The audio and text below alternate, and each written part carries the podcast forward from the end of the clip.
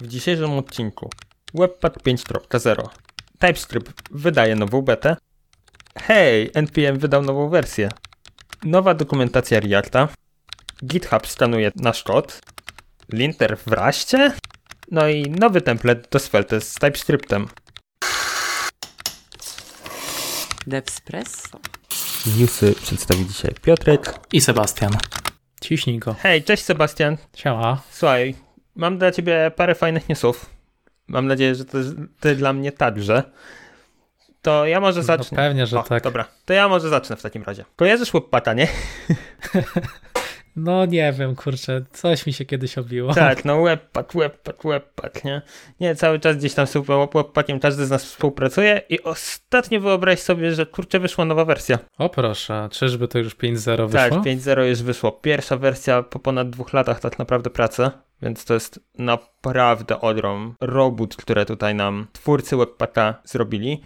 Jedna rzecz, która jest warta powiedzenia, to to, że sam Webpack 5 nie jest wolny od błędów, ale jego wydanie spowodowane jest końcem prac nad tak zwanymi breaking changes, więc mamy już spotu, już więcej rzeczy nie będą jakby dodawać tego danych zmiennych, a będą dodawać nowe funkcjonalności, które jeszcze bardziej usprawnią nam Webpacka. Jesteś ciekawy może, co nam ciekawego przygotowali? Pewnie, że tak. Jakiś czas temu właśnie zbierałem się do refaktoru Webpacka. Widzę, że dobrze, że się nie zabrałem, skoro już mamy jakiś breaking change, więc chę z chęcią posłucham. No to słuchaj, te główne zmiany to tak.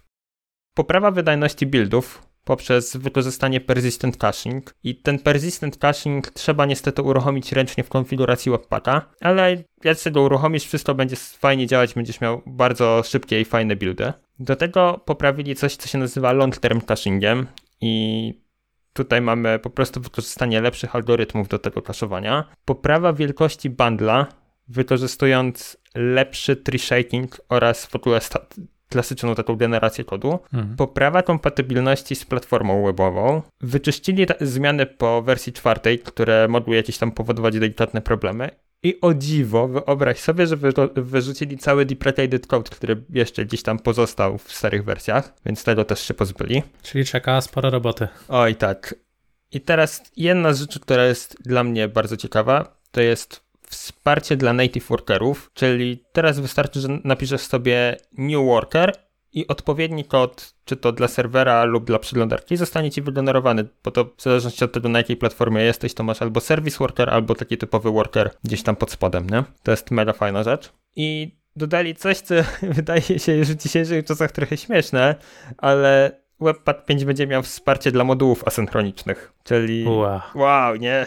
Końcu jest takie fajne wsparcie. Tych zmian pod spodem tak naprawdę jest o wiele, o wiele więcej, więc jeżeli masz ochotę, to zapraszam cię oczywiście na stronę Webpacka. A co do samego zrobienia update'u, to, to twórcy uświadamiają, że przejście z czwórki na piątkę może nie być wcale takie proste i wymagać zmian w pluginach albo w jakichś loaderach, więc tutaj trzeba jakby zgłaszać wszelkie błędy twórcom, żeby mogli nad tym pracować i te błędy oczywiście trzeba zgłaszać na GitHubie. Czyli zaorajmy projekt i napiszmy od nowa, będzie łatwiej. Oczywiście, dokładnie tak. Tak czy się bardzo to wszystko interesująco wygląda i sam też się zbierałem do, w niektórych moich projektach do przepisania konfiguracji Webpacka, więc fajnie, że teraz będę mógł to zrobić na piątce. Ale jest jedna rzecz, która mnie też bardzo ciekawi. Słysząc o tym, że Webpack tak bardzo nam się rozwija, to gdzie tu jest tak naprawdę miejsce dla takich narzędzi jak Chrome, które ma nam zastąpić i Webpacka, i Linter, i Babela, i w ogóle najlepiej wszystko. Nie? Też się właśnie nad tym zastanawiałem i też zastanawiam się, dlaczego dopiero teraz Webpack wydał nowe, nowe zmiany, czy one były tak czasochłonne, czy to właśnie było spowodowane, spowodowane tym, że wyszedł ROM, a także jakiś czas temu wyszedł Snowpack, który też miał, jakby nie patrzeć, zastąpić Webpacka. No dokładnie tak. No, to, jest, to jest bardzo ciekawe. Dlaczego aż tak długo im to zajęło? Gdzie tu jest miejsce dla nowych narzędzi. No, dużo się tutaj dzieje. Tu trzeba mieć rękę na pulsie. Piotrze, nie bylibyśmy sobą, gdybyśmy nie wspomnieli w odcinku o Microsoftie. Oj, o, no tak, oczywiście. Tym razem wspomnę, że Microsoft udostępnił nową wersję TypeScripta. To znaczy 4.1. Póki co jest w fazie beta, Parę newsów pojawiło się oczywiście wcześniej. Ja tylko przytoczę, co mamy już dostępnego w fazie beta. Co wnosi? Nowa wersja wnosi m.in. typy literałów szablonów. W sumie jest to jedna z najciekawszych funkcji dodana w tym release.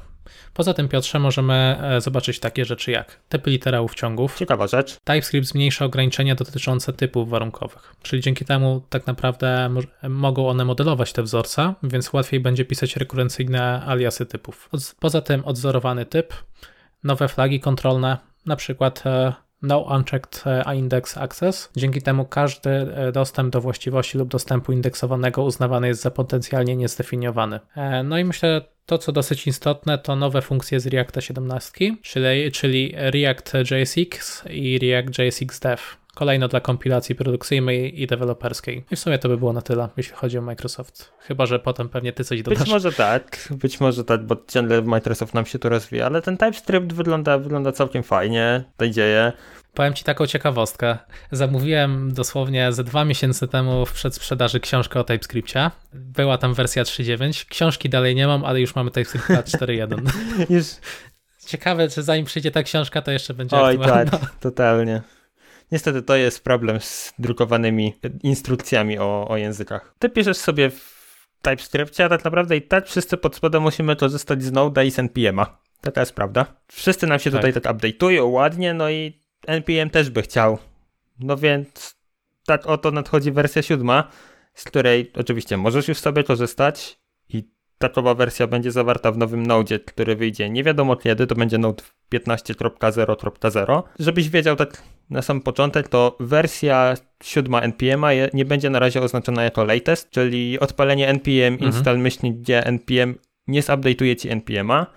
I to jest spowodowane tym, że dopóki twórcy nie będą w 100% pewni, że można dodać tą konkretną wersję npm'a do Node.js w wersji tej LTS-owej, to on nie będzie LT, ta wersja npm'a nie będzie latestem.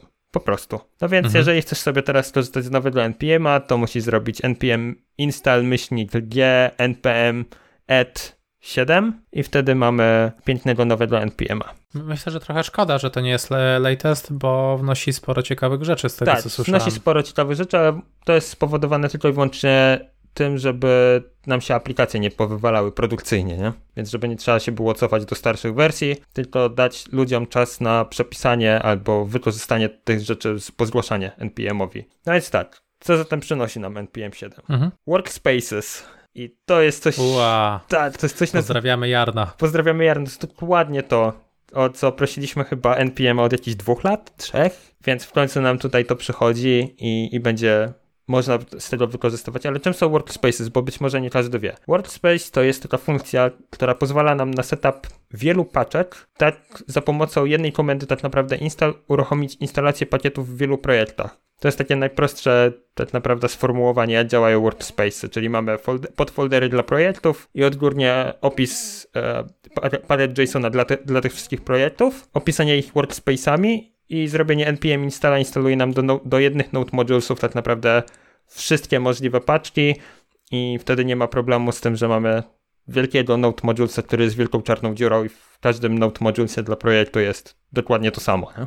I teraz się zastanawiam, ile Jarn udziału na tym straci, bo znam sporo osób, które korzystały właśnie z Jarna ze względu na Workspaces. No, A teraz, skoro jest to Szczerze mówiąc, ja jestem jedną z tych osób i tutaj pewnie wrócę do NPM-a z wielką chęcią. O, Dobra, kolejna rzecz. Automatyczna instalacja peer dependency. I to też jest bardzo fajne, bo pozwala nam na zainstalowanie peer dependencji w zależności od tego, od, z czego korzysta paczka, nie? Więc jeżeli mamy, nie wiem, Reacta 16 u nas, a paczka, którą my chcemy wykorzystać, ma peer dependencję tylko dla 17 na przykład, to ona sobie tą mhm. 17 ściągnie i wykorzysta u siebie to, co potrzebuje. To dobre jest. Czasami, czasami potrafiło to napsuć krwi, kiedy coś przestało działać, a nie wiedzieliśmy dlaczego. Dokładnie tak, więc tutaj, tutaj będziemy mieli to zautomatyzowane. Kolejna rzecz to nowy package lock w wersji 2.0 i wsparcie dla Yarnlocka, więc w końcu jesteśmy uratowani w wielu projektach, gdzie nie będzie trzeba się zastanawiać, z czego, z czego użyć. Po prostu będziemy mieli Yarnlocka i kto chce korzystać z Yarna, proszę bardzo, reszta z NPM w wersji 7 i wyżej. Problem rozwiązany. Kolejna rzecz jeszcze to jest NPX tak od środka został przepisany na wykorzystanie npm execa, tej, tej genialnej funkcji. No i zmienili output tak naprawdę npm auditu. On zmienił swój wygląd w formie tej czytelnej dla człowieka i, i także w JSONie. W końcu. No, w końcu. Wygląda to naprawdę fajnie, tych zmian jeszcze tam trochę dojdzie e, z tego, co, co czytałem. Oczywiście to, to możecie sobie przeczytać na blogu GitHuba tak naprawdę, bo, bo NPM jest w tej chwili częścią GitHuba, więc tam możecie zobaczyć, co dokładnie jeszcze nam NPM da. Mówiliśmy już o e, Microsoftie, ale nie mówiliśmy jeszcze o Facebooku. Twórcy Reacta zapowiedzieli, że przez następne 6 miesięcy będą przebudowali swoją stronę. Jesteś ciekawy, co pozmieniają? Dawaj. Będą e, przerabiać swoje doksy na bardziej e, hookowe. O! Jest to spowodowane tym, że hooki stały się w community bardzo popularne i po prostu część osób, czy to tutorów, czy to tych uczących, pytała się, dlaczego dlaczego dokumentacja jest dalej tak skoncentrowana na komponentach klasowych. I właśnie z tego powodu twórcy wyszli z założenia, że w sumie ta dokumentacja ma być tym podstawowym miejscem, w którym się uczymy i stwierdzili, że po prostu przerobią na hooki. Bardzo dobrze. I dla mnie jest to tyle ciekawy news, że wprowadzając hooki właśnie w wersji 16.8 zapowiadali, że to jest dodatek całkowicie opcjonalny, a w tym momencie no, no, no nie wiem. Ja mam takie wrażenie, że te, ta dokumentacja Reacta teraz powinna mieć w każdej obsłudze jakiegoś kodu taby. Wersja funkcyjna hookowa i wersja klasowa, żebyś mógł się przeklikać. Też, też mi się tak wydaje. To by było chyba najlepsze. To, to by było najlepsze, Do, dokładnie. No tak, tak mi się wydaje, chyba że React.js, w ogóle chłopaki z Reacta uważają, że hood is the future now, tak naprawdę, i będą ciągnąć te huki tak mocno, że tak naprawdę ta klasówka to nam tak odjedzie w zapomnienie.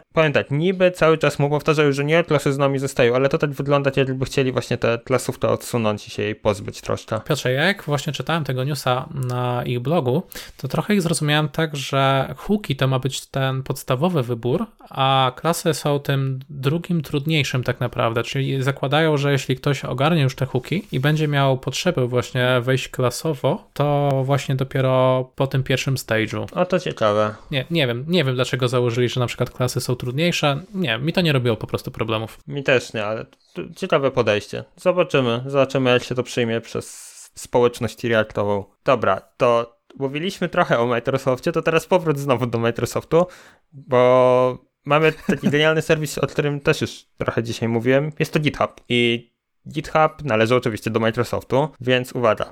W odcinku drugim mówiłem dokładnie o nowościach, które GitHub dla nas przygotowuje. No i tam wspominałem, że wejdzie coś takiego, co się nazywało stanowanie kodu. No i od maja ta funkcja była w fazie testów, oni ciągle tam wysyłali maile, co byśmy chcieli w tym zmienić. Sam byłem w beta testach. No i. O proszę, nie chwaliłeś się? Nie chwaliłem się, ale byłem, byłem, dostałem dostęp po prostu do do skanowania kodu, do tej funkcjonalności. No i oficjalnie z dniem 30 września funkcja jest dostępna dla nas wszystkich. Tyle tylko. Ale, a właśnie, już wyczułem to ale, więc pewnie, pewnie nie na prywatnych. No pewnie nie na prywatnych, dokładnie. Skanowanie jest dostępne za darmożkę na repozytoriach publicznych, za free to, nie ma problemu, ale repozytoria prywatne niestety nie mają tej opcji i są, jakby to skanowanie kodu jest tylko dostępne w wersji GitHub Enterprise i to jeszcze jest do włączenia w e, tabie, który się nazywa Advanced Security. Tylko i mhm. wyłącznie w tym. Z ciekawostek, samo stanowanie kodu jest tutaj oparte o coś, co nazywane jest CodeQL i to jest silnik do stanowania kodu zbudowany przez GitHuba, co ciekawe. Głównie do researchu kodu. Do tego go zbudowali taką statyczną analizę, a wykorzystują do stanowania i pokazywania nam, jakie mamy vulnerabilities, gdzie można by poprawić na przykład napisanie funkcji i tego typu rzeczy, więc Ciekawe, jak jest to szybkie. Czyli co, przełączamy się na chwilę na publika, skanujemy i z powrotem na prywatne? No właśnie, to jest, to jest ciekawe.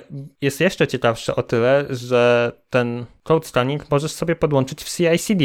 O proszę, o to fajne. Więc możesz mieć ją automatyczną w formie tego, że puszczasz commit i ci stanuje kod i od razu dostajesz odpowiedź, nie? Lub robisz to na zasadzie, wiesz, przy merge'u na przykład do mastera, żeby ci przeskanował przed, mhm. przed merge'em. Dlaczego by nie? Albo przed deployem, albo czymkolwiek innym. No ciekawe, jaki byłby tego koszt. No to wtedy by się ustaliła. No dobra, a ja mam teraz newsa dla geeków technologicznych. Część z nas, wiadomo, lubi nowinki de, wrzucać do projektów i tym razem jest kolejna okazja. Pojawił się na rynku nowy linter do JS-a. Wow. Już nie, nie zliczę ile ich jest, ale mamy nowy. Z tą różnicą, że ten jest w całości napisany w raście. W raście. Dokładnie tak, więc zapowiada się, że będzie całkiem szybko. A mowa tutaj o RS Lincie. Sam twórca opisuje swoje dzieło jako niezwykle szybki linter, skupiający się na łatwości użycia i możliwości dostosowywania. RS Lint podobno pomaga znaleźć i naprawić w kodzie błędy, a także wymusić dobre praktyki. Mówię podobno, ponieważ e, sam jeszcze nie korzystałem. Troszkę się zagłębiłem w tę dokumentację. Zobaczymy.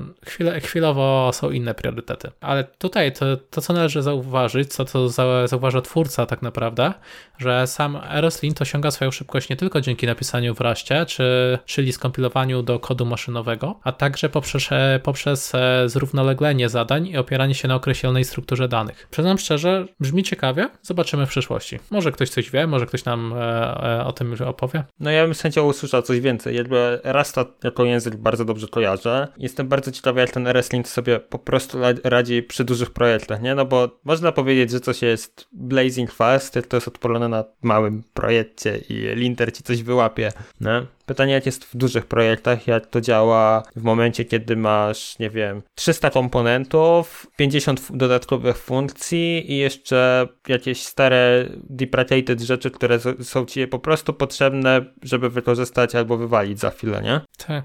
No przyznam się szczerze, że też jestem ciekawy, jak to jak wygląda community, ponieważ wszelkiego rodzaju pluginy, jakieś konfiguracja, czy to jest, czy to dopiero będzie? No właśnie. Bo też nie, nie, nie chciałbym wszystkiego sam robić po prostu. To, dokładnie, poza tym jak to też jak ten linter się łączy z tymi rzeczami, które tak naprawdę już mamy, czyli webpackiem, albo właśnie snowpackiem, albo czymkolwiek innym. Tutaj ta konfiguracja też jest bardzo ciekawa. Czy to jest takie, wiesz, wpisujesz i, i działa i po prostu jest problem rozwiązany, czy jednak musisz się trochę pobawić, nie? No nic, myślę, że za jakiś czas usłyszymy. A jak nie usłyszymy, to znaczy, że padło. No, dokładnie tak, dokładnie tak. No, ale o czymś, co nie padło teraz, uwaga, mów, mówię dokładnie o Svelte. I teraz tak, tego lata Svelte dodało obsługę czegoś, o czym dzisiaj powiedzieć, czyli TypeScript. Mhm. O tym mówiliśmy już w odcinku trzecim. I słuchaj, samo włączenie TypeScriptów do Svelte to było bardzo, bardzo proste, bo to wystarczył jeden pojedynczy skrypt i tak naprawdę już ci wszystko działało. Problem no nie... tak, pamiętam. Tak, problem niestety polegał na tym, że ciężko było cokolwiek więcej skonfigurować, na przykład Jesta. No więc Welcome to Community i powstał nowy template, który oczywiście rozwija poprzedni starter, który był i po prostu dodaje nam całą konfigurację support dla Jesta, dla TypeScriptu i mamy rozwiązanie, żeby było po prostu mniej konfiguracji w przyszłości. Rozpoczęcie developmentu jest prostsze. Brzmi dobrze. Zawsze to dodatkowe minuty do przodu. No, dokładnie tak. Dobra, tyle na dzisiaj. Bardzo Ci dziękuję za nagranie. Mm, ja również dziękuję za zaproszenie. I do usłyszenia. No, dzięki, na razie, hej.